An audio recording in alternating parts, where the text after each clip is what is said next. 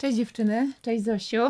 Cześć. Cześć Kasiu, Katarzyna Kucewicz. E, dzisiaj jest naszą gościnią, psycholożka, psychoterapeutka. Dzień dobry. A my jesteśmy świeżo po lekturze książki, która już jest na rynku od kilku lat, ale my ją sobie teraz odświeżyłyśmy, bo temat nam się bardzo e, jakoś tak zaktualizował. Mianowicie kobiety, które czują za bardzo. Dobrze mówię, czy za mocno? Bo przez, przez chwilę się zawahałam. Za, za bardzo. Kobiety, Tytuł książki taki jest. Za, tak, bardzo. za bardzo. I o tym czuciu za bardzo chciałybyśmy właśnie dzisiaj porozmawiać. Sama we wstępie mówisz, że to nie jest nic pejoratywnego, tylko że to jest właśnie coś, co mówią osoby, które do ciebie przychodzą. Proszę zabrać ode mnie to, co ja czuję, tą moją wrażliwość, bo ja, ja za bardzo czuję, ja za bardzo w tym cyklu, w którym się ukazują te e, książki, ja za bardzo kocham, ja za bardzo myślę, ja za bardzo czuję. To wszystko chyba można by jakoś razem zebrać, prawda? Co to znaczy właśnie to czucie za bardzo? Mm, pewnie każda osoba mogłaby inaczej zdefiniować swoje określenie, że coś za bardzo, natomiast. Yy rzeczywiście czuć za bardzo w ujęciu, e, w tej mojej perspektywie, w tej mojej książce oznacza czuć w sposób bardzo intensywny, tak intensywny, różne bodźce z otoczenia, ale też i różne swoje stany emocjonalne przeżywać tak głęboko, że staje się to mm, nieznośne i utrudniające takie codzienne funkcjonowanie. Mm, ja w swojej książce opisuję różne historie, różne sytuacje mm, i też daję wskazówki, co robić, jeżeli my czujemy, że ten świat nas bardzo przytłacza, wychodząc z koncepcji wysokiej wrażliwości um, Elaine Aron. Ta koncepcja, ona oczywiście ma swoich zwolenników, ma swoich e, przeciwników, jest e, natomiast taką jedną z koncepcji wyjaśniających tę cechę temperamentu, właśnie którą jest e, wysoka wrażliwość. No i opisuje, jak to jest żyć e, w takim świecie, który raczej jest nisko wrażliwy, raczej jest przystosowany do ludzi o przeciętnej wrażliwości, jak to jest żyć, funkcjonować i jak sobie tego życia nie utrudniać, tylko ułatwić, właśnie kiedy my nie należymy do tej większości, tylko jesteśmy w tej mm, mniejszości ludzi, który, którzy czują się przytłoczeni mhm. w takich sytuacjach, w których e, część z nas nie jest przytłoczona, jak na przykład nie, bardzo gwarne pomieszczenie, tak, albo światła super intensywne, albo e, zapachy jakoś wybitnie aromatyczne, tak, wybitnie mm. mocne.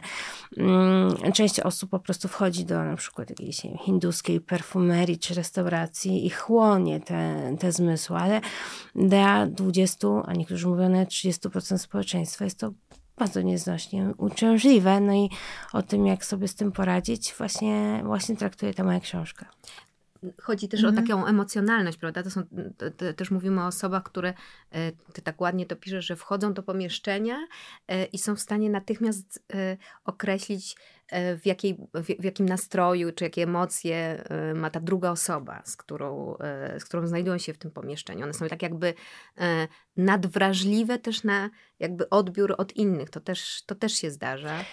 To takie jakby dwie troszkę inne rzeczy, bo rzeczywiście jest tak, że osoby wysoko wrażliwe są bardzo uważne na mikrogesty, na takie drobne sygnały, które e, które, których czytanie zajmuje przeciętnie osoby troszeczkę więcej czasu. To nie jest tak, że osoba wysoko wrażliwa ma jakąś jakby taką tajemną moc, wchodzi do pomieszczenia, od razu widzi, co ktoś myśli. To w żadnym mhm. wypadku tak na szczęście jest nie jest. nie chodzi o magię. Tak.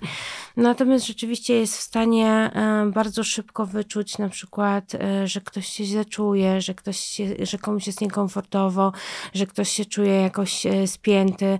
Ludzie wysoko wrażliwi mają taką umiejętność wy, wyłapywania tych subtelnych, pozawerbalnych sygnałów, które Część z nas y, też jest w stanie wyłapać y, bardzo szybko, część osób niskowrażliwych, natomiast no, nie aż w takim tempie jak, jak ludzie wysokowrażliwi. To jest, to jest taka jedna rzecz. Druga rzecz jest też taka, ta, o której powiedziałaś teraz, że mm, faktycznie wysoka wrażliwość też oznacza, że człowiek się bardzo przejmuje, że bierze bardzo do siebie, że bardzo gdzieś sam analizuje, przez co na przykład różne słowa mogą w nim zostawać, że on przeżywa, że on um, tak trudno mu się czasami, um, to też obserwuję po pacjentach, odkleić od jakiegoś tematu. Czyli jeżeli jakiś temat jest szczególnie dla niego taki poruszający, to osoba może um, całymi dniami przeżywać, nie móc się oderwać od jakiejś danej e, sytuacji.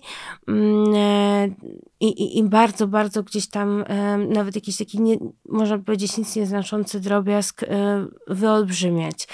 Mm, tak, tak się patrzy na tę cechę, że, że posiadanie właśnie tego uwrażliwienia na bodźce plus tego, tej, ta, ta taka czułość na inne gesty nie, część osób nazywa to właśnie wysoką wrażliwością. Część mówi, że po prostu to jest wysoka wrażliwość sensoryczna. Część osób rozdziela i mówi, no to po prostu jest ta wysoka wrażliwość na bodźce i na przykład um, nie wiem, tendencja do jakiejś ruminacji. No zwał jak zwał, natomiast jakby to, co jest kluczowe um, dla mnie jako dla psychologa, mhm. to nie jest nazewnictwo, prawda? To nie jest to, szukanie konkretnie jednej etykiety nazwy, tylko raczej to jest e, skupienie skupienie się na tym, że jeżeli jest jakiś problem u pacjenta, no to my pracujemy nad y, znalezieniem rozwiązania albo akceptacji tej, tej cechy, czy tego, co, co się dzieje, tak? Bo jeżeli ktoś na przykład przeżywa bardzo, że nie może się odkleić od jakiej, od jakiejś sytuacji, przeżywa jakieś na przykład sprzed 10 lat uwagę skąśliwą na swój temat, no to w toku terapii nie, nie, nie tyle szukamy nazwy dla tego zjawiska, co raczej szukamy sposobu, jak pomóc pacjentowi z tego wyjść, jak pomóc pacjentowi, żeby, żeby potrafił być odporny na różne nieprzyjemne sytuacje, których, no wiadomo, w życiu jest całe mnóstwo. No właśnie, y, ty mówisz o tym, że nie mamy jeszcze nazwy na to, jeszcze to się jakby kształtuje, ale najważniejsze jest, że już e, i psychologowie, i, i w ogóle samo orzecznicy też, tak się mówi, e, mówią o tym, że jest coś takiego, opisują te sytuacje, o których powiedziałaś, i myślę, że tak jak teraz nas słucha część osób, to może sobie pomyśleć, kurczę, dokładnie, ja to mam. Ja myślałam, że to tylko ja tak mam, a to znaczy, że ktoś się tym zajmuje, że ma tak samo, że bada skąd się to bierze, wie, co ja mogę z tym zrobić. I ty piszesz też w tej książce, że przypisujesz tą nadwrażliwość kobietom dlatego, że nam się na nią przyzwala. Mężczyznom y, o wiele częściej się każe właśnie zakładać tą maskę twardziela, nie pokazywać po sobie emocji, y, nie pokazywać, że nas coś dotknęło, obeszło, albo że to jest jakieś dla nas y, takie, no tak mocno poruszające nas i wewnętrznie, mm. i mhm. zewnętrznie.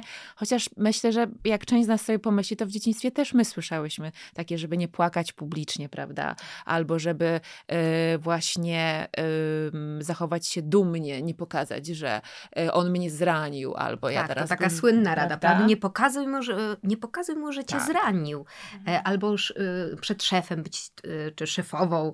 Nie wiem, dlaczego założyłam tak. szefa jako mężczyznę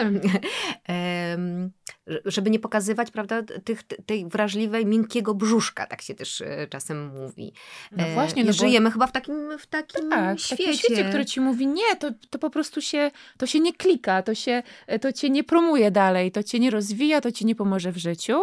E, to z jednej strony, z drugiej kobietom się bardziej pozwala na tą większą emocjonalność czy nadwrażliwość, a z jeszcze kolejnej strony się je za nie za nią karze. Mówi się, że jesteśmy histeryczkami, że przesadzamy, dramatyzujesz, jak to było w e, Nigdy w życiu w tym filmie. Judyta, dramatyzujesz, nie dramatyzuj, prawda? A ona się mówiła, czy my się rozstajemy? Czy ty mnie zdradziłeś? I Judyta, nie dramatyzuj, prawda? Jak się w tym wszystkim, znaczy połapać, znaczy co mamy teraz zrobić? Mamy być z tego dumne? Czy to jest tylko właśnie kobiece, czy to jest po prostu ogólnoludzkie? Mówisz o 20-30% ogólnej populacji, więc jak sobie to poukładać. E, ja, kobieta, która właśnie tak reaguje, jak powiedziałaś, to znaczy, że muszę, mam jakiś problem, to jest mój atut, to jest e, moja cecha i moja cecha. Mhm. E, to wszystko zależy od tego, co tak naprawdę, jak to jest u każdej konkretnej jednej osoby. Nie można tutaj powiedzieć mm, dać taką, takiej jednej recepty. Myślę, wydaje, mi się wydaje, że byłoby to bardzo niebezpieczne, dać komuś jedną receptę, że na przykład e, słuchaj, wszyscy tak, e, wszyscy, jakby masz prawo być wrażliwa i, i już, i nic z tym nie rób, bo bywają takie sytuacje, kiedy my mm, rzeczywiście reagujemy nadmiarowo i kiedy reagujemy zbyt intensywnie na bodźce, które się, które się dzieją. I to może być związane na przykład z przeżywaną sytuacją aktualnie, z gorszym stanem e, na przykład zdrowia fizycznego, który sprawia, że jesteśmy bardziej drażliwe, bardziej nerwowe, albo na przykład czasami jesteśmy w gorszej formie psychicznej, bo, bo powiedzmy coś się stało, zostałyśmy wyrzucone z pracy, dowiedziałyśmy się, że ktoś nas zdradza, mm, e, dowiedziałyśmy się, że ktoś, nie wiem, bliska osoba jest chora i takie sytuacje mm, nas e, mogą rzeczywiście uwrażliwić i sprawić, że będziemy mieć taki overreacting, czyli będziemy tak nadmiarowo reagować w sytuacjach, w których dawniej my też reagowaliśmy całkiem spokojnie. Więc, e, więc może tak być, że, że nasza nadwrażliwość jest e, efektem jakiejś trudności, która wymagałaby wsparcia, od którą trzeba byłoby coś z tym zrobić. Czasami jest tak, że nasza nadwrażliwość jest jednym z na przykład elementów składowych depresji naszej. I, i jako, jest po prostu jedną z części obrazu depresji, który się, która, która nas e, dopadła i wtedy potrzebujemy wsparcia medycznego. Ale, ale czasami jest tak, że po prostu jesteśmy wrażliwi, ponieważ właśnie mamy w taki sposób działający ośrodkowy układ nerwowy, mamy w taki sposób działający organizm, bo jesteśmy tacy, bo tak nas też wychowano, bo, tak, e, bo, bo ta wrażliwość gdzieś jest na przykład w naszym środowisku, rodzice, rodzina, wszyscy są właśnie tak wrażliwymi osobami na e, różne sytuacje, więc my także na przykład się mamy tak, możemy mieć na przykład tendencję, wiem, do wzruszania się, tak, i się bardzo mm, wzruszać. I to mm, i wtedy, jeżeli tak jest, jeżeli nasza wrażliwość nie wynika z czynników sytuacyjnych albo nie jest czymś, co się pojawiło, a jest czymś, co raczej nam się wydaje, że to nas obrazuje tak całe życie, no to najprawdopodobniej jest kwestia do zaakceptowania i nauczenia się z tym żyć. Bo um, zaakceptowanie i nauczenie się życia z daną cechą um, to nie oznacza, że mamy żyć tak, żeby inni nam się tutaj kłaniali w pas i żeby inni się dostosowywali do naszej wrażliwości, bo tak by było pięknie, natomiast no, nie możemy oczekiwać, że ludzie się będą dostosowywali do nas, tylko raczej no, um, musimy umieć żyć w społeczeństwie, równocześnie zachowując um, gdzieś się w zgodzie ze sobą i w zgodzie ze swoimi możliwościami wynikającymi z własnej wrażliwości. Um, zazwyczaj jest tak, że ludzie wysoko wrażliwi nie, nie potrzebują specjalnego traktowania, chociaż się ich za to atakuje, że pewnie chcą i pewnie mhm. po to to zostało wymyślone, żeby, się, żeby ludzie się nad sobą użalali. Ja się z czymś takim nie spotkałam, żeby żeby y, pacjent wysoko wrażliwy chciał, żeby go mm, jakoś specjalnie traktować. Y, natomiast, natomiast wręcz o, widzę inną sytuację, a mianowicie taką, że ludzie wypierają swoją wrażliwość, tak jak mówiłaś właśnie Asiu o e, mężczyznach, którzy bardzo mhm. często e, e, udają, że są dużo mniej wrażliwi niż są w istocie. I ja rzeczywiście się z tym spotykam, ale też i z kobietami, które zakładają, przywdziewają taką maskę osoby, która jest mm, z kamienia i której nic nie rusza, a tam wewnątrz y, jest bardzo jakby e, delikatna, krucha istota, która tak naprawdę sobie z wieloma rzeczami emocjonalnie nie radzi, ale, ale ma tę maskę takiego, takiej twardzielki. I my, mm, czy ja jako terapeuta i też moi koledzy terapeuci uczymy się, uczymy osoby, które do nas przychodzą właśnie z taką, w, ta, w, takim, w, ta, w, w, takim stylu funkcjonowania, że mogłyby zacząć być bardziej sobą i bardziej o swoją wrażliwość dbać, a nie się jej wstydzić i ją zasłaniać za wszelką cenę. Że można żyć i prowadzić szczęśliwe życie życie i mieć poszanowanie innych ludzi, równocześnie troszcząc się też o swoją wrażliwą część, równocześnie też zwracając uwagę na swoje ograniczenia i możliwości wynikające właśnie z wysokiej wrażliwości. To mówisz także ze swojego doświadczenia, bo też w książce jest taki fragment, w którym też mówisz, w pierwszej osobie e, takie, takie kawałki. E, tak, rzeczywiście ja e, jakby mm, sama mogę też się, mm, no tak jak pewnie większość psychologów ja i psychoterapeutów, tak. ja też, ja też. identyfikuję, identyfikuję się jako osoba o dużej wrażliwości, o co czasami jest jakby pozytywne i co, co się lubi, a czasami nieznośne i uciążliwe, tak jak, mhm, jak człowiek na przykład czuje, że jest za bardzo, e, nie wiem, przestymulowany, że, e, że, że, że, że jest na siebie trochę na przykład zły, że nie może tak, e, tak, tak być, tak, tak intensywnie żyć, jakby, jakby mógł, mieszkając na przykład w Warszawie, tylko, tylko jesteś zmęczony i potrzebujesz odtajać w domu, prawda, a nie na przykład ciągle, nie wiem, z imprezy do imprezy, dajmy na to, czy ze spotkania na spotkanie, bo każde spotkanie na przykład może być bardzo stymulujące i męczące. Fajnie jest, jak spotykają się ludzie, koleżanki, przyjaciółki, tak jak my dzisiaj tu sobie siedzimy i wszystkie mówią, Jezu, mam podobnie, czy E, czy, czy rozumiem no. cię, czy na przykład rozumiem, że potrzebujesz teraz odtajać, czy rozumiem, że to światło jest za mocne, mogę zgasić jak chcesz i tak dalej. No gorzej jest, jeżeli w towarzystwie jest ktoś, kto mówi przestań histeryzować, weź się dziewczyno w garść, e, Jezu, co ci za głośno, e, jak za głośno, jak jest super muzyka, e, nie bądź, nie rozczulaj się nad sobą.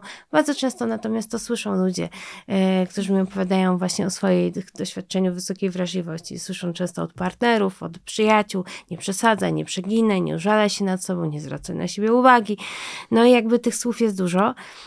Myślę, że być może jest tak, że część osób jakby korzysta z tej wrażliwości i tam robi różne uniki, zasłaniając się wrażliwością. Na przykład, a wiesz, ja już, ja jestem wysoko wrażliwa, muszę iść spać, żeby nie powiedzieć, po prostu mam dosyć tego, y, już tych gości, na przykład, czy teściów, tak? To, to łatwiej jest powiedzieć, jestem wysoko wrażliwa, idę na górę się zdrzemnąć.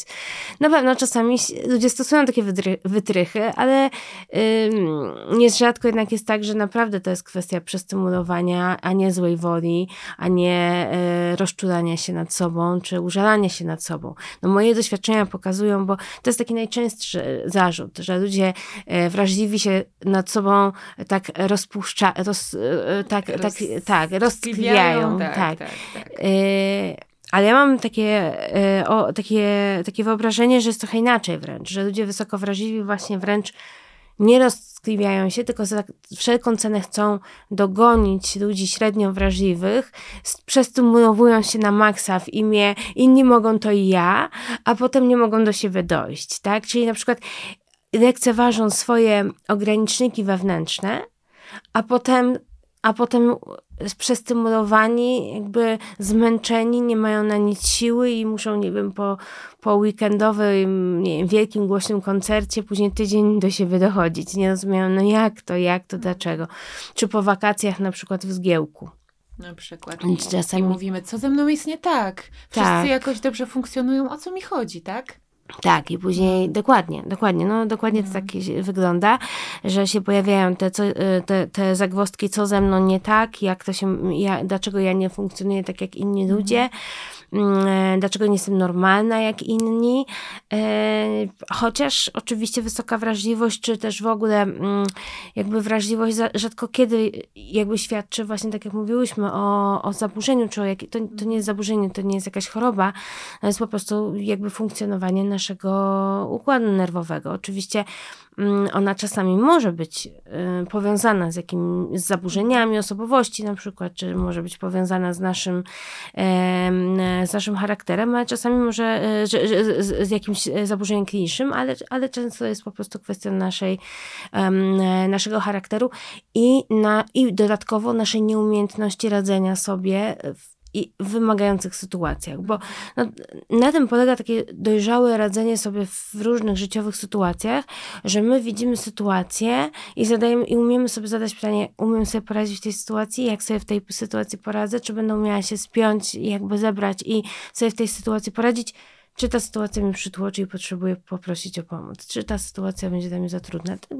mam wrażenie, że dojrzałość trochę na tym polega na takim właśnie takiej umiejętności zarządzania swoim życiem w obliczu różnych sytuacji i, i też swoją wrażliwością właśnie w różnych kontekstach.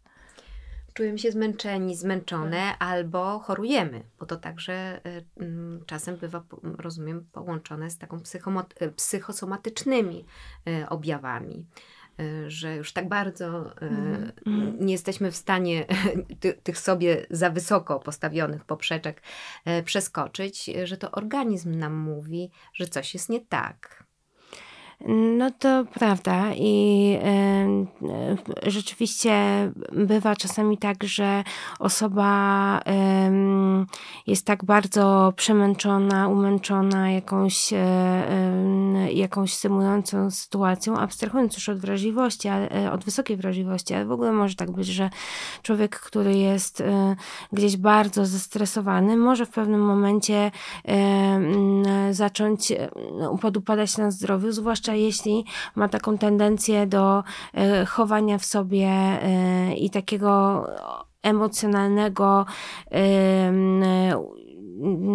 unikania konfrontacji, czyli jeżeli na przykład ma maskę pozornej obojętności albo maskę takiego bardzo silnego człowieka, albo ma założenie jakieś takie, że nie można okazywać żadnej słabości w sobie i nosi różnego rodzaju maski, no to wówczas, wówczas e, nierzadko te wszystkie stresy, które go dopadają, one odbijają się pod postacią somatyczną, czyli pod postacią różnego rodzaju bólu, e, cierpienia, jakiegoś, nie wiem, migren, bólu brzucha, no, te wszystkie zaburzenia psychosomatyczne, one bardzo często właśnie biorą się z tego, że człowiek, że człowiek tłumi swoje uczucia, tłumi swoje emocje, przestaje się sam ze sobą kontaktować, przestaje sam o, się, o swoją taką, o swój dobrostan psychiczny dbać, tylko zaczyna, y, tylko, tylko nosi właśnie taką maskę, y, nic się nie dzieje, więc, więc czasami jest tak, że, że osoba ląduje w szpitalu, że jej zdrowie bardzo upada, y, właśnie dlatego, że gdzieś nie zadbała o swoją duszę. Pomyślałam sobie, bo skoro mówimy też o nas samych,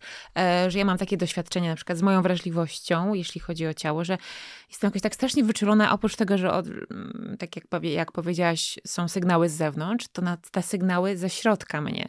Czyli na przykład, e, nie wiem, boli mnie brzuch, mam jakieś takie dziwne uczucie po zjedzeniu czegoś, tak? Albo właśnie to przemęczenie, mrowienie. I chodzi mi o to, że czasem jak za bardzo się w sobie zamykamy i skupiamy na tym, to też możemy e, się wkręcić same czy sami mhm. w jakieś różne niestworzone choroby, które mam, no, rzekomo mamy, ale z drugiej strony też czasem sobie zdajemy sprawę, że coś, co nam dolega fizycznie, jest tylko psychosomatyczne. Ja na przykład w tym roku miałam pierwszy raz coś, co Zosia mówiła, że już miała, a ty może też, czyli mianowicie taką gulę w gardle. Pierwszy raz poczułam coś takiego, jak, jak to jest mieć gulę e, w gardle z ręku, która, ja najpierw myślałam, że to jest czysto E, somatyczne, to znaczy, że mi coś właśnie mam jakieś, Utknęło. coś mi mhm. utknęło, albo że mam jakieś takie e, związane z żołądkowymi e, sprawami, a to po prostu były moje emocje ut mhm. utknięte. I to jest niesamowite, jak zdasz sobie sprawę, wow, jakie emocje mają jak, jaką mają siłę, siłę co potrafią sprawką. zrobić z twoim ciałem. I więc jak tak. to jest też, żeby się za bardzo nie wkręcać w te sygnały, które czujemy, typu nie wiem, czuję się słabo na przykład. Czasem tak jest, że jak ja sobie już pomyślę, że czuję się słabo, to czuję się coraz słabiej i aż Prawda. się sama wkręcam bardziej w tą sytuację. Mm -hmm, No to jest y, rzeczywiście bardzo trudne, żeby sobie, y, żeby sobie y, jakby nie zrobić krzywdy też samą obserwacją mm -hmm. i żeby ta sama obserwacja też nie stała się dla nas takim batem trochę na, na siebie. Ja myślę, że mm, jakby dobrze jest słuchać swojego ciała, mhm. ale nie wsłuchiwać się bardziej niż w otoczenie. To znaczy, okay. ja, ja mam takie w ogóle poczucie, że mm, dobrze jest zajmować się sobą, ale na, w jakichś pewnych ramach mhm. czasowych, czy w, w pewnych takich określić sobie jednak jakąś taką ramę. Ewentualnie, jeżeli jest coś nas niepokoi, to zapytać lekarza, mhm. czy psychologa, czy kogoś z zewnątrz. Natomiast y, rzeczywiście, jeżeli my popadamy w taki totalnie, jakby w taką autoanalizę i ona nas tak zaczyna zajmować całymi mhm. dniami, czy przez pół dnia wsłuchujemy się, czy ten mój kasznięcie to jest z serca, czy z, czy z gardła, tak? Czy czy, ta, czy ten mój ból to na pewno jest, yy, boli mnie brzuch tu, czy tu, czy tam. Mhm. Bardzo często te bóle, które się pojawiają, psycho, takie psychosomatyczne, one są tak zwane wędrujące, więc on tak raz tu zaboi, raz tu i człowiek już tam sam nie wie, gdzie go boli. A więc... w Google i wiecie, a, się, a tak, no w Google zawsze wiadomo, co, tak, to prawda. propozycji dostajesz, no. I to jest oczywiście to jest w ogóle mm, jakby hipochondria y, i różnego rodzaju też fobie zdrowotne. To jest w ogóle oddzielny temat, bardzo myślę ciekawy i, i zajmujący. Ja też się w pracy nim dużo zajmuję. Jest to jedno z takich moich za, zainteresowań. Y, y, ale, ale abstrahując od, od tego, no to rzeczywiście dobrze jest zachować pewien umiar i dystans w przyglądaniu się sobie. I to też tyczy się nie tylko tych kwestii zdrowotnych, ale też i psychologicznych psychologicznych. Ja w mhm. ogóle jestem zdania, żeby się tak aż nie zanurzać w tą psychologię całymi dniami i że ja sama jako psycholog też nawet tego nie, nie robię dla siebie, żeby jednak mieć inne rzeczy, inne mhm. życie, inne perspektywy, żeby nie tylko cały czas siedzieć i siebie rozwijać, czy swojego partnera, nie daj Boże, czy, czy książkami, podcastami, mhm. że to mhm. jest wszystko fajne, ale też z umiarem. Zresztą za, czasami jest tak, że im, im bardziej my intelektualizujemy, czyli im bardziej my właśnie grzebiemy szukamy, tym bardziej się od siebie odsuwamy wewnętrznie, tak? Że, że, że im bardziej intelektualizujemy, im więcej właśnie książek się nasłuchamy, naczytamy, tym mniej jesteśmy w takim szczerym kontakcie prawdziwym ze sobą, więc, więc dobrze jest go mieć, ale e, i, i umieć słuchać swojego ciała, Mhm. ale też i nie bawić się w diagnostę i nie bawić się też w e, lekarza, jeżeli, jeżeli mamy wątpliwości co do, nie wiem, charakteru powiedzmy naszego bólu, czy naszego mhm. kaszlu, czy tego na przykład, co się dzieje, że ja mam gulę w gardle, mhm laryngolog, tak? Tutaj jest pierwszym y, krokiem y, i, i, warto jest, jeżeli lekarz nam powie, to są nerwy, to zaufać. Czasem od razu przechodzi, prawda? Po takiej wizycie. Tak. Jak tak, słyszysz. Tak. Czasami to mnie najczęściej nerwy. przechodzi no. po wizycie. Nawet tak. jak nadal jestem chora, to jakoś to mnie magicznie to ulecza. Tak, to prawda. Jest coś takiego. To prawda. To prawda. Jest coś takiego, że bardzo, bardzo y, ta ulga, która się pojawia po wizycie u lekarza, no ona daje cuda. Tak. Zwłaszcza w, w zaburzeniach psychosomatycznych tak? No. Gdzie czasami człowiek idzie do lekarza po to, żeby ktoś go po prostu utulił, żeby ktoś mu powiedział, wszystko będzie dobrze, tak? I to ktoś to ma tak. gdzieś tam poszanowanie, to, to, to wtedy rzeczywiście to działa. No natomiast, natomiast e, rzeczywiście ludzie wysoko wrażliwi i tak o takiej wyższej wrażliwości, no to mm, mają taką tendencję do wyłapywania e, szybko, że jest jakaś niewygoda, że coś ich boli, mm -hmm. że, że są bardzo, potrafią być bardzo uważni na swoje ciało mm -hmm. i mhm. na różne sygnały ze swojego ciała, na różne niewygody, szybko na to reagują, organizm się szybko męczy i tak dalej, więc, mm -hmm. więc bywają też wyczulone na tym tle bardzo. A z drugiej strony mam taką refleksję, że to jest taki, to jest taki mm, trochę paragraf 22, bo też bardzo często myślę o takim, o, oczywiście myślę o sobie tutaj, e, czyli najpierw nadwyrężasz swoje ciało i, i, swoje granice i cały czas wprowadzasz jakieś sytuacje, na przykład za dużo pracujesz, e, wchodzisz bardzo, tak, za bardzo się przejmujesz tak. jakąś sytuacją, albo e, zbyt intensywnie uczestniczysz w jakiś, na jakichś spotkaniach, po prostu e, wiesz, że to cię może w jakiś sposób Mhm. wykończyć, natomiast mimo wszystko jakoś w to wchodzisz, bo, e, bo ci zależy, bo właśnie chcesz sobie udowodnić, że możesz więcej. E, a potem, po takim e, ewidentnym niesłuchaniu sygnałów z ciała, nagle wpadasz właśnie w ten tryb, w którym tylko się sobie przyglądasz i patrzysz, jak to ciało właśnie dostało potężnego kopa od ciebie, a potem myślisz sobie, o biedne to moje ciałko, które po prostu e, teraz pokazuje mi, że już nie wytrzymało i wtedy, i wtedy wpadasz właśnie w ten cykl e, takiej nadopiekuńczości nad sobą, po czym o, płynnie przechodzisz, jak już trochę wyleczysz to mhm. ciało, podreperujesz do tryb do nadwyrężania i tak, tak dalej, i tak dalej. Nie wiem, czy wy macie takie doświadczenie. Myślę, że tak, swoich... a poza tym ja mam wrażenie, że nasz, że że świat nas do tego trochę zachęca. Yy, znaczy Czy jest, zmusza. Albo mhm. zmusza, właśnie chciałam powiedzieć najpierw zmusza, a potem pomyślałam, że zachęca. Znaczy, że chodzi o to, że jest bardzo wiele są te ciągłe wyzwania, o których też mówimy. Yy, jakieś nowe atrakcje, tyle osób nas potrzebuje, chcemy być w tych rolach, się spełniać w tych rolach. Jest przebodźcowanie, o czym już mówiłaś, o światłach. Przecież teraz, jeśli mieszkasz w dużym mieście, to chwila bez światła jest w ogóle, to nie wiem, chyba jak do piwnicy zejdziesz i po prostu i wygasisz wszystko, albo do łazienki. Mhm ciągle jesteśmy tym bombardowani i nas tak się światło ekranów, się, tak, cały jesteśmy czas ciągle pobudzeni i zastanawiam się, czy to, o czym my mówimy, my jako osoby, które powiedzmy odnalazłyśmy w sobie tą większą wrażliwość, czy nie jest też charakterystyczne dla osób, które tak się nie określały, a jednak ten świat trochę je takie jakby dodatkowo uwrażliwił. Nie masz takiego poczucia, no nie wiem, pandemia, wojny, to wszystko. Wiele osób mówi o tym, nawet te, które wcześniej się tym nie przejmowały, że teraz się tym zaczęły przejmować, zaczęły się wkręcać. Te zdrowotne przecież e, sytuacje, o których mówiłyśmy. Mnóstwo jest takich jakieś nowe choroby, które wynaleziono, znaczy odkryto, znaczy opisano, może tak powiem. Nie? Mhm. Nie jest tak, że też my tak po prostu, że ten świat powoduje, e, że my właśnie w, taki, w takie błędne koło wchodzimy, czyli się nadużywamy, potem cierpimy, i potem znowu to robimy, jak już doszliśmy do siebie, bo chcemy sobie wynagrodzić ten czas, kiedy było nam gorzej. Tak? na, przykład. na różny, w różnych sferach życia. No tak, myślę, że, że, że to jest e,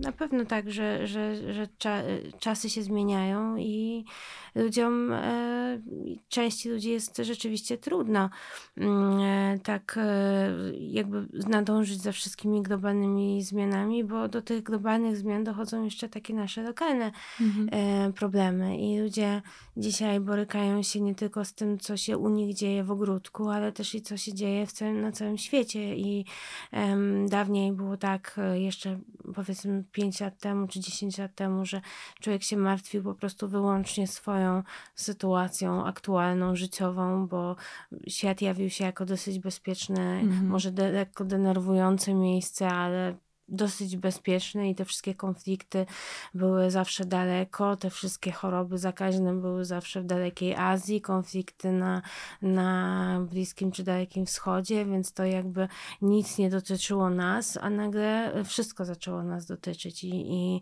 um, i choroby zakaźne, i wojna, e, i, e, i wielkie konflikty ustroj, takie tutaj, które się dzieją w Polsce, e, polityczne i to wszystko nagle zaczęło do mhm. nas e, dziać się u nas, a nie gdzieś daleko i myślę, że dla części osób no to jest bardzo prze, e, przestymulujące i to jest tak, że ten świat robi nam takie sprawdzam, tak? To znaczy robi sprawdzam naszej rezyliencji, naszej odporności psychicznej, czy my mamy ją, czy nie. Bo teraz najlepiej widać przy tej okazji tego, co się dzieje, tych wszystkich problemów w, w świecie, no to widać najlepiej, kto ma czy jaka jest kondycja naszej, naszej e, odporności mhm. psychicznej, czy my ją mamy, czy my musimy nad nią pracować, tak? E, na szczęście jest tak, że ludzie uczą się jakoś żyć w tych czasach, bardzo ciekawych, ale bardzo stresujących. E, no i my się zaczynamy przystosowywać, tak? Do tego, że jest u sąsiadów wojna, że jest widmo wojny w Polsce, że jest, e, że jest pandemia, która e, dalej zbiera żniwo, mimo że się już teoretycznie skończyła, więc nauczyliśmy się żyć w tych niepewnych czasach, znaczy uczymy się żyć, ale jest to bardzo trudne. I dla ludzi, którzy są bardzo wrażliwi, e, podwójnie trudne, y, no bo przecież jeszcze nie odpadają nam te codzienne nasze problemy związane, nie wiem, z szefową, która jest trudna, z mężem, który jest niewspierający, z przyjaciółkami, które nie zachowują się, nie mhm. wiem, tak fajnie jak kiedyś, więc to wszystko naraz e, rzeczywiście może nas bardzo być, być dla nas trudne i przytłaczające. Mm, no ale ja mam takie poczucie, że na szczęście coraz więcej osób korzysta i otwarcie mówi o tym, że uczestniczy na psychoterapię, że chce sobie pomagać poprzez różnego rodzaju, czy właśnie pomoc e, specjalistyczną, czy różnego rodzaju warsztaty mhm. rozwojowe. Ta oferta jest ogromna w całej Polsce. Można i online, i stacjonarnie, więc to jest coś dobrego, że dziś tego nie wstydzą. Dobre jest też to, że coraz więcej osób opowiada o tym, że choruje, że choruje na depresję, że choruje na chorobę dwubiegunową. Gwiazdy, osoby z pierwszych stron gazet opowiadają o swoich doświadczeniach um, zaburzeń psychicznych. To też nam daje um, takie przyzwolenie wewnętrzne, że można się rozpaść, że, że rozpadają się psychicznie nawet super silne i super dziarskie osoby. Um, więc to jest jakiś też sygnał, że, że można sobie, mm, że, że można szukać pomocy, że warto szukać pomocy, a nie udawać, że się jest silniejszym, silniejszym niż się jest. Mówimy tu o przeżywaniu świata, o przeżywaniu siebie, a jeśli mówimy też o emocjach, to tutaj zadam być może takie pytanie, które jakoś bardzo banalnie brzmi, ale mm, czy można kochać za mocno? Ja nie jestem e, wielką fanką e, tego sformułowania, że coś, jest za, że coś za bardzo. W tym kochaniu za bardzo myślę, że chodzi o, tak jak się wyobrażam, to pewnie chodzi o, e, o brak granic i o to, że, że mm, w tej miłości nie ma granic, ani e, e, i ktoś mi wchodzi na głowę w ramach miłości, ale też komuś ja wchodzę na głowę, bo w ogóle temat granic w miłości jest bardzo ciekawym takim tematem. Zwykle mówiło się, mówi się tak, Elaine Aron, ta twórczyni pojęcia wysoka wrażliwość, ona na przykład mówi o to, czymś takim, że ludzie bardzo wrażliwi mm, bardzo często dużo z siebie dają, są e, tacy bardzo emocjonalnie otwarci, e, bardzo wiele e, oferujący w miłości, a nierzadko dostają jakieś tam ochłapy miłości, ponieważ, e, ponieważ lgną do nich ludzie, którzy się raczej w ich, w ich zachwytach mhm. kąpią, a nie, że to jest jakaś, mhm. jakiś rodzaj wzajemności. Bardzo często, bardzo często Elaine Aron mówi o takiej zależności, że właśnie ci partnerzy tacy bardziej egocentryczni właśnie chłoną e, towarzystwo ludzi wysoko wrażliwych, bo wysoko wrażliwy człowiek cię tak umie pochwalić, e, będzie cię tak umiał doceniać, e, ponieważ jest taki uważny na mikrogesty, więc mhm. też potrafi być świetnym przyjacielem, bo jest taki bardzo skupiony na kimś, więc, więc ktoś, kto jest taki mocno na sobie skupiony, to kocha, jak wszyscy są skupieni na nim, mhm. więc takie to właśnie zależności są. Ja myślę, że oczywiście to jest bardzo różnie i ja bym tutaj nie była taka zero-jedynkowa, że każda wysoko wrażliwa wrażliwa osoba to przyciągnie osobę narcystyczną. To mi się wydaje taką totalną bzdurą pop właśnie, bo myślę, że jest bardzo różnie. Natomiast myślę, że mm, dobrze jest w ramach takiego właśnie rozeznawania się w sobie też kiedy czujemy, że coś jest nie tak w relacji, e, kiedy czujemy jakiś dyskomfort, e, a często ludzie wysoko wrażliwi już szybko czują, że coś jest nie tak w relacji, to żeby po prostu na to reagowały, żeby, żeby zadawały sobie same pytanie, na czym polega ten dyskomfort, bo może on wynika ze mnie, tak, bo może ja mam gorszy humor, a może jednak ktoś jest naprawdę nie fair wobec mnie. Jeżeli jest nie fair wobec mnie, no to nie będę tej osoby chronić za wszelką cenę, tylko próbuję się skonfrontować, próbuję zapytać, próbuję rozwiązać sytuację, a nie w ramach na przykład ochrony samopoczucia tej osoby godzić się na wszystko. Tak, poza tym to też się przejawiało w naszych rozmowach tutaj w studio, e, że czasem dobrym testem jest, znaczy testem, tak jakby tym, znaczy testem w takiej sytuacji, jak ty, jak ty mówisz, że nie wiesz, czy to jest czy, czy ja jestem przemęczona, czy jednak ta druga osoba za, za dużo ze mnie bierze. Na przykład odmówić, powiedzieć chwilowo się wyłączam, odchodzę, tak jakby zrobić taką przerwę. Raz, że to daje nam przestrzeń dla siebie, a dwa, no nie znaczy nie jestem może taką zwolenniczką tego, żeby testować partnerów czy bliskich, ale chodzi mi o takie coś, że, że, że to jest dobry probierz tak jakby, że jeśli mhm. odmawiasz, mówisz nie, nie dam rady, nie, dzisiaj nie, to jaka jest reakcja? Czy jest na zasadzie pewnie okej, okay, też, też rozumiem, też nie mam ochoty, albo kurczę, szkoda, no ale dobrze oczywiście, czy jednak jest złość i wtedy się okazuje, że może rzeczywiście ta nasza relacja jest zbudowana na tym, że my dajemy, dajemy, dajemy, mhm. a nie ma tej wymiany. Pamiętajmy, że... Wszystko zależy od dynamiki relacji, -hmm. od tego, jaką, e, jak tak naprawdę układa się relacja, co się tak naprawdę dzieje e, i e, czym jest to nie tak w związku. -hmm trudno mi tak naprawdę tutaj powiedzieć jednoznacznie dobry, dobry pomysł albo no zły tak, pomysł, no tak. bo mm, wyobrażam sobie, że można bardzo tutaj, to może dochodzić do wielu nadużyć w, w komunikacji, bo czasami mhm. ktoś mówi nie po raz piąty, dlatego że po raz piąty dostaje bardzo naruszające pytanie. Podstawą jest to, czy my się czujemy szanowani, uszanowani w relacji, czy nie.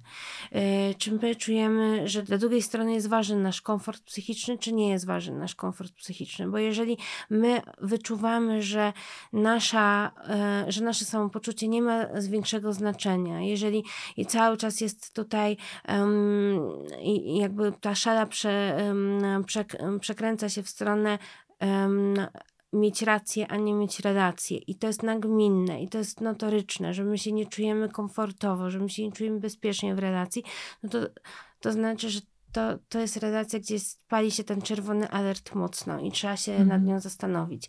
Em, natomiast, natomiast czasami jest też tak, ja zawsze zachęcam do tego, żeby zawsze te obserwacje zaczynać od siebie, żeby zadawać sobie pytanie, czy ja jakby na pewno zachowuję się w porządku, czy moje intencje są czyste i czy ja nie próbuję też manipulować i, i dobrze jest siebie, siebie Mhm. rozeznać, nim będziemy tutaj analizować, czy ten partner się na pewno dobrze zachowuje. Jeżeli mamy takie poczucie, że naprawdę wychodzimy z sercem na dłoni i naprawdę mamy bardzo otwarte intencje, a widzimy, że cały czas ktoś nam zamyka drzwi i że ktoś jest naprawdę zamknięty, a tego wcześniej nie było na przykład, no to ym, no myślę, że warto jest tutaj się pochylić nad sytuacją. To powiedzmy jeszcze na zakończenie o seksie, bo to nam się bardzo podobało, ten rozdział w Twojej książce. Mianowicie, jak e, osoby wysoko wrażliwe, e, no, czy- czym dla nich jest seks, jak reagują e, na to. Bo chodzi mi o to, że to jest z jednej strony e, oczywiście to, o czym już powiedziałyśmy, że może być za bardzo, za mocno, za intensywnie, ale A nam z się drugiej... oczywiście spodobał ten fragment, w którym e, jest taka sugestia, że to może być wielki plus e, i bardzo pomóc w życiu seksualnym, Tak. e, jeśli jesteś osobą wysoko wrażliwą.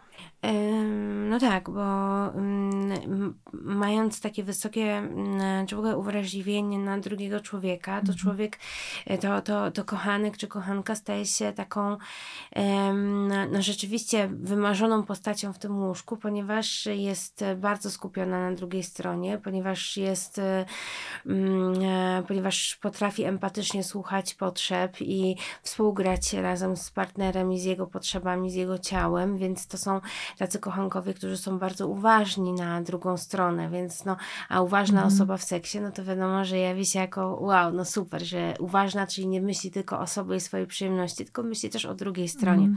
E, To, co też jest ciekawe, o czym pisze Elaine Aron e, w swoich badaniach, to to, że ludzie wysoko wrażliwi, mm, czy w ogóle o takiej ponadprzeciętnej wrażliwości e, sensorycznej, no też bardziej intensywnie przeżywają orgazmy, bardziej intensywnie przeżywają pieszczoty, bo po prostu ich ciało jest bardziej em, podatne Mhm. na tą stymulację, więc na przykład stymulacja jakby jest w stanie ich bardzo, bardzo podniecić, ale też ma to swoje oczywiście każdy awers ma swój rewers, no i tutaj mamy także, no niestety, y, jeżeli jest za mocno, za intensywnie, zbyt drażniące, na przykład za, za, za mocne zapachy, y, które miały być afrodyzjakami, no może się na przykład okazać, że te zapachy są tak y, stymulujące, boli głowa i dziękuję bardzo. Ale to nie tylko wysoko wrażliwi, to w ogóle ludzie Mhm. jakby możemy tak mieć, że, że dana próba jest prze, je, jest przesadna, natomiast rzeczywiście osoby wysoko wrażliwe właśnie ze względu na tą wrażliwość na bodźce przeżywają bardzo często e, takie mega, mega uniesienia i też em, badania wskazują, że te orgazmy osób wysoko wrażliwych są takie bardzo intensywne, są takie bardzo e, e, e, strzewi, no i nierzadko też wielokrotne, to też było takie badanie, które to pokazało, ja też o nim piszę w książce, więc no warto jest, y, warto się na to otworzyć i też y, y, jakby wykorzystywać, eksplorować ten seksualny swój potencjał. No równocześnie oczywiście pamiętając, że że, że, że człowiek bardzo wrażliwy na bodźce, to, to jest też człowiek, który, który łatwo się wkręca i łatwo wypada z rytmu, tak? Czyli w jakieś, Mhm. nie wiem, komuś spadnie y, na, y, nie wiem, widelec na podłogę w drugim pokoju, no i Mhm. już nam Nastrój pryska, tak? nastrój, nastrój może się skończyć, czy Mhm. tam możemy się wybić łatwo z Mhm. uważności, więc no to takie są e, historie z, e, z tym wysoko wrażliwym, czy w ogóle z seksem ludzi wrażliwych czy ponadprzeciętnie wrażliwych, bo ja, tak jak mówię, jakby to określenie wysoka wrażliwość jest tak zdewaluowane i tak poszarpane w Polsce, mam wrażenie wyłącznie, bo ja też swoją książkę miałam przetłumaczoną na język chorwacki i w Chorwacji nie ma takiego, mm, takiego, no chyba nigdzie na świecie nie ma takiego tutaj, takiej nagonki na wysoką wrażliwość jak w Polsce, więc ja też nie, nie raczej e, patrzę na to bardziej holistycznie, zwracając uwagę na tą, e, na aspekt po prostu ponadprzeciętnej wrażliwości, no bo Mm, no bo tutaj już się wszyscy musimy zgodzić, że, e, że tak po prostu jest, że ta część z nas no jest taka ponadprzeciętnie wrażliwa, tak jak jest też część z czy nas, bywa, jest, czy, czy bywa. Czy bywa w zależności, Mhm. tak, jeżeli od okoliczności na przykład, tak jak jest też część, która nie bywa i nie jest, prawda, czyli, czyli czasami są osoby, które mają zupełnie niską wrażliwość i, i nic ich praktycznie nie rusza, nie dotyka i wtedy tak jak się para taka spotka, no to wiadomo, że może być różnie. No Mm. tak. I dobrze i źle. My natomiast życzymy przede wszystkim y, tej najpiękniejszej odsłony y, y, seksu takiego. Tak, i w ogóle takich zachwytów, bo to też zachwyt może być muzyką, spektaklem. Tak. Możesz przeżyć orgazm przed dziełem sztuki po prostu w galerii, tak? E, Taki no mentalny można Dobrych powiedzieć. chociaż- orgazmów, y, jeśli Tak jest. akurat są nam nigdy potrzebne. za wiele. Y, Chociaż Także- nie, pewnie byś powiedziała, że czasem jest za dużo? No, mo, mo, może być, ale jeżeli nam to potrzebne, tak jak tutaj powiedziałaś, to jak najbardziej. Orgazmów sam raz. Bardzo Ci dziękujemy, Kasiu, za rozmowę. Dziękuję. Dzięki. Pora na nasze kulturalne polecajki, a zaczyna nieoceniona nasza szefowa kultury, Zofia Fabianowska. E, I czy będzie trochę o wrażliwcach i wrażliwczyniach? Oczywiście o osobach wrażliwych. O osobach o wrażliwych. wysokiej wrażliwości i tak dalej, i tak dalej. No, postarałam się rzeczywiście taki klucz zastosować tym razem, e, chociaż prawdę powiedziawszy, wydaje mi się, że bardzo wiele w ogóle premier, mogłabym tutaj przynajmniej 10 premier e, przytoczyć, jeśli chodzi o ten temat, ale zaczęłabym od dokumentów Pianoforte. To jest film e, Jakuba Piątka, absolutnie rewelacyjny, uważam. Ten film, e, ten dokument miał swoją premierę w, na festiwalu Sundance. E, To już dobry początek. A u nas na Dogs Against Gravity, na festiwalu e, Millennium Dogs Against Gravity, zdobył to dużą przewagą głosów nagrody publiczności. I nie dziwię się, Jasiu. Ty zresztą widziałaś pierwsza, zdaje się, ten film. Ja widziałam go na festiwalu Dwa Brzegi. Całego mi go wtedy odpowiedziałaś, Tak. pamiętam. Tak. No to jest y, chyba opowieść o wrażliwcach, o wrażliwcach, którzy tam, e, którzy tam występują, ale też o wrażliwcach, czyli nas, którzy chcemy oglądać ich e, zmagania, no bo jest to opowieść o... 18 edycji konkursu Chopinowskiego, Tak. czyli o tej edycji e, popandemicznej. Tak. Ale czy powiedziałabyś, że to jest film o konkursie Chopinowskim? Bo zawsze trochę się waham, jak, jak opowiadam komuś o tym dokumencie. Ja bym powiedziała, że to jest jednak, jakkolwiek by to nie zabrzmiało, po prostu dokument o ludziach. I to też nie takich kolorowych ptakach. Często się pokazuje mm, artystów, no już szczególnie takich mm, skupionych wokół e, świata muzyki poważnej, jako takich, no, troszkę z tezą się ich pokazuje. A tutaj są fantastyczni młodzi ludzie, e, choć nie wszyscy na przykład sympatyczni. Zdarza się, że niektórzy tutaj gwiazdorzą. E, I zobacz, jak to się stało, że twórcy, Jakub Piątek opowiadał, że mm, wybrał sobie jakąś, jakąś pulę tych uczestników. E, Potem e, ta pula się zawężała, jeszcze na tym etapie wyboru, za kim będzie podążała No właśnie, kamera. on, ten film był em, kręcony w trakcie konkursu, ale przed konkursem mu, e, znaczy twórcy musieli dokonać wyboru, na kim się skupią, tak? No bo nie sposób się skupić na wszystkich, tak? I spójrz, na kim się No. skupili. Prawie, prawie wszyscy doszli rzeczywiście do finału. I nie sądzę, żeby to była tylko taka czysta, profesjonalna jakaś e, i- intuicja, czy, to, czy też ktoś im tak dobrze poradził. No bo przecież tak naprawdę w konkursie, i to bardzo dobrze widać, nigdy nic nie wiadomo. Niektórzy tu się wycofali, niektórzy zupełnie nie dostali nagród, Mhm. chociaż naprawdę wszyscy byli zdziwieni. Wydaje mi się, że to jest ta wrażliwość Jakuba Piątka. E, To mo- można było oglądać jego mm, debiut e, fabularny niedawno, Prime Time, jakiś czas temu. On jest zresztą na, dostępny na Netflixie. I tam już trochę tę wrażliwość było widać, ale teraz to, to jest, e, to absolutnie widać to, jak on, jak on spogląda na ludzi, jak, jak ich widzi.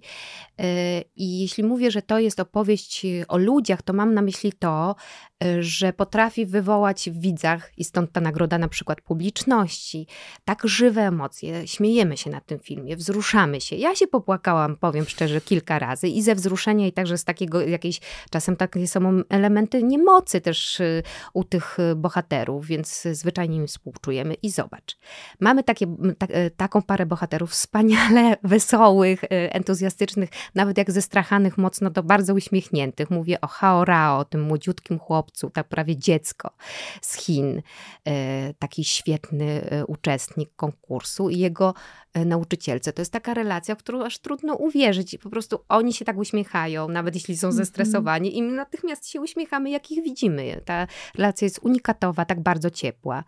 Ale też tutaj są takie postacie, które ewidentnie mogły być czarnymi charakterami. Na przykład mówię o e, pani profesor rosyjskiej, surowej, czasem nawet okrutnawej, e, pani profesor e, Jewy Gieworgian, jeżeli dobrze mm -hmm. mówię, Zawsze mam kłopot e, z tym nazwiskiem, przepraszam. E, no w każdym razie młodziutkiej e, Jewy, 17-letniej dziewczyny. Ulubienicy zresztą publiczności, publiczności podczas tak. festiwalu.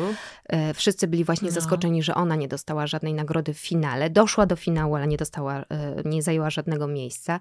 Ja też jakoś, muszę przyznać, byłam bardzo rozczarowana, ale ta pani profesor, która ewidentnie no, czasem bywa właśnie okrutna, ale nawet ona jest pokazana w ten sposób, że jesteśmy sobie w stanie wyobrazić, że za tym stoi troska że pewnie sama wszystko to przeżywała, tak kiedyś ją ktoś ukształtował. I zobacz, jak, to, jak trzeba widzieć człowieka, żeby pokazać nawet w takich, mm. tak, tak, tak, takie osoby, e, jak pani profesor, e, w taki empatyczny sposób. Trzeba go widzieć, trzeba go też chyba po prostu lubić. Ja, ja tak to postrzegam. Pianoforte w kinach. The jury have made their decision. Oh my God.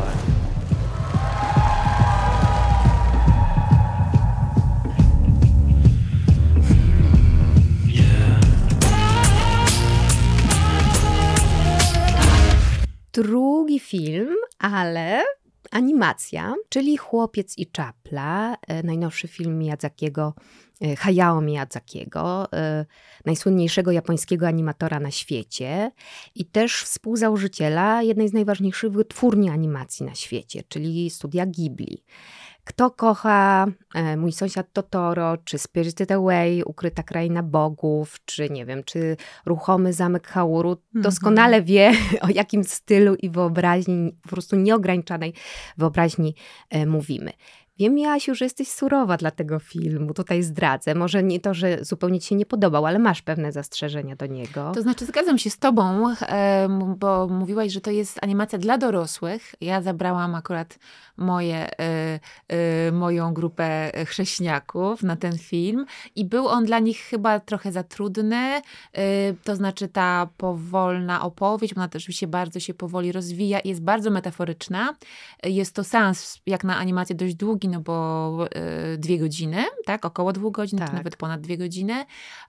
I ja powiem szczerze, że mnie też wymęczył, bo on jest, to jest taka jedna wielka metafora i naprawdę tam wszystko jest symbolem. Znaczy, oczywiście rozbudowana symbolika, bardzo rozbudowana. ukryte niektóre też kody kulturowe. Tak, to zawsze mi się podobało y, oczywiście w animacjach Chętnie. Studia Ghibli, ale tam tego jest dużo i to jest taka nawet fil filozoficzna, powiedziałabym, animacja. I troszeczkę się nastawiałam na taką właśnie, no taką trochę jak mój ukochany, y, jak mój ukochany Spirited Away, na taką trochę baśń opowiedzianą, oczywiście z tymi wszystkimi odniesieniami. To Spirited Away, y, tak. po, połączenie Spirited Away z, z właśnie z traktatem filozoficznym zgadzam się, no ale sama przyznasz, że po pierwsze poziom y, taki wizualny, no to już jest takie mistrzostwo świata, mm -hmm. trudno sobie wyobrazić, trudno sobie wyobrazić, żeby ktoś y, bardziej dokładniej, piękniej zrobił film. Zresztą Hayao Miyazaki, już starszy pan, 7 lat poświęcił dla tego filmu mm -hmm. i może charakterystyczne jest to, że podobno nawet nie zauważył, że była pandemia, bo dla niego nic się nie zmieniło.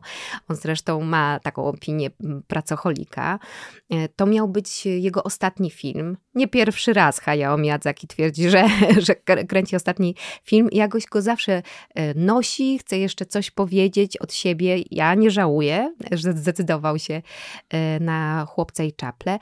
Ale chyba też musisz przyznać, że ta, ta główna opowieść, ta bardziej realistyczna, czyli ta opowieść o chłopcu dwunastoletnim, z wieloma wątkami mhm. autobiograficznymi. Ta opowieść jest bardzo przejmująca. To jest opowieść o stracie mamy, próbie pogodzenia się z taką stratą, też z akceptacji nowej partnerki ojca, macochy, która się kojarzy, jeśli mówimy o baśniach, to raczej się kojarzy z negatywną postacią, a tu w sumie jest piękny wątek e, takiej akcji ratunkowej, mhm. E, ten chłopiec trafia do takiej fantastycznej krainy, żeby właśnie macochę uratować. To chyba to, to, to właściwie taka metafora, prawda, odzyskiwania, czy nie odzyskiwania, tylko zyskiwania jakichś uczuć mhm. dla nowej osoby w życiu. Tak, znaczy zgadzam się absolutnie, że jest to, y, znaczy cała wymowa jest bardzo piękna i ta historia jest poruszająca. Ja najbardziej też w tych animacjach lubię te takie, te postaci takie, które wywołują w tobie taką odrazę, obrzydzenie, obrzydzenie, no tytułowa czapla, bardzo Państwu polecam, tam się z nią dzieją różne rzeczy, ale moje ulubione, chyba tu nie zdradzam za, za dużo, są papugi, które się pojawiają w, y, w bardzo dużych ilościach. W bardzo dużych ilościach. I w ogóle to są jacyś mafiozi, krwiożerczy kanibale, którzy mają e, takie tasaki, potrafią się nimi tak. posługiwać. Dlatego proszę, prze, tak e, mówię do wszystkich osób, które się zastanawiają właśnie, czy pójść z dzieckiem.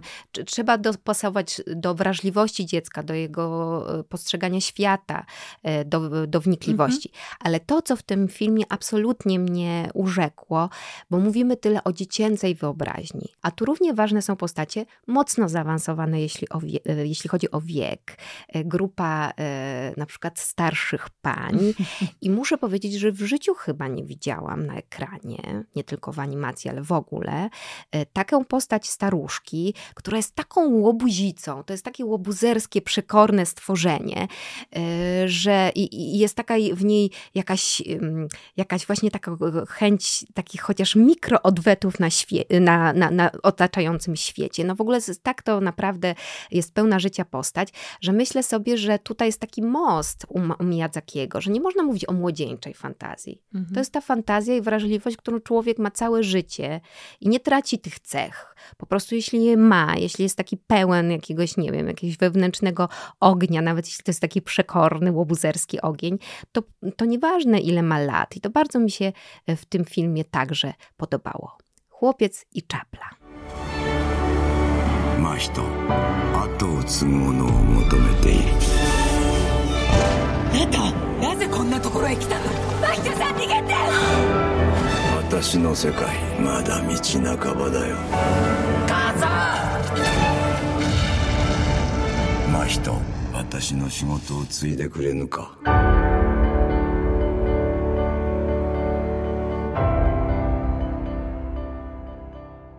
I trzecia pozycja. Tak jakoś zawsze wychodzi, że wybieramy sobie mniej więcej taką trujeczkę na koniec. Chyba, chyba mm, nie złamałyśmy tej zasady do tej pory. E, serial Royst. On Millennium, może... Royce Millennium. Royce Millennium, bo pierwszy sezon to były lata 80., sezon drugi to rok 97, a teraz trafiamy e, w taki moment e, przejściowy między XX a XXI wiekiem. Pamiętasz ten czas? O tak, o tak. I pewne wybory stylistyczne, co oczywiście jest bardzo tutaj pociągające, to jak wygląda e, ten nieokreślony jakiś, nie wiem, miasto, nieokreślone miasto wojewódzkie, ale też jak wyglądają ulice, mm -hmm. samochody, ludzie zupełnie to jest nieprzesadzone. Podoba mi się, bo często się pokazuje te lata 90. troszeczkę jednak przerysowane, a tutaj jest tak e, w punkt. No ale właśnie jeśli chodzi o wrażliwość, myśmy miały taką rozmowę e, tutaj przed nagraniem, e, że dostrzegłyśmy pewną przewrotność w pokazywaniu bohaterek i bohaterów. Tak, to chyba jest charakterystyczne dla Jana Holubka, jednego z najbardziej docenianych ostatnio twórców filmowych opowiadających o naszej niedalekiej przeszłości polskiej, y, że y, tą wrażliwość można by tak y, właśnie niestereotypowo przypisać większą tutaj męskim bohaterom, bo jak zaczęliśmy sobie analizować i kobiece bohaterki i męskie, to te kobiece są właśnie takie jak sierżant Jas, takie trochę dziarskie, oczywiście niepozbawione. Tak, nie e, chodzi o to, że one nie są wrażliwe, oczywiście. tylko są pokazane bardziej jak tacy typ, typowi twardziele, prawda, w tak. kryminałach tak. czy filmach policyjnych. Przecież ona oczywiście jest niepozbawiona też tego elementu duchowego, czyta w gwiazdach i, hmm. i tak dalej. I też je przeżywa miłość oczywiście, e, wielką Ale się miłość. nieźle maskuje. Ale się maskuje i jest taka rzeczywiście dziarska, bohaterska. E, tutaj powinna zostać, mam nadzieję, że nie zdradzam, pod opieką lekarzy, ale ona jednak idzie taka w miasto oczywiście. A, a mężczyźni... Jak trzeba wyciągnie nie e, karabin maszynowy, tyle oczywiście, podpowiemy. Oczywiście, a, a jak trzeba założyć też białe kozaczki, więc e, wszystko tam jest. Ale mężczyźni są, rzeczywiście jak im się im bliżej przejrzeć, są um, czasem tacy niezdecydowani, rozchwiani, e, wrażliwi. Płaczą. Płaczliwi. E, płaczliwi w tym znaczeniu po prostu, że często płaczą, tak? Tak.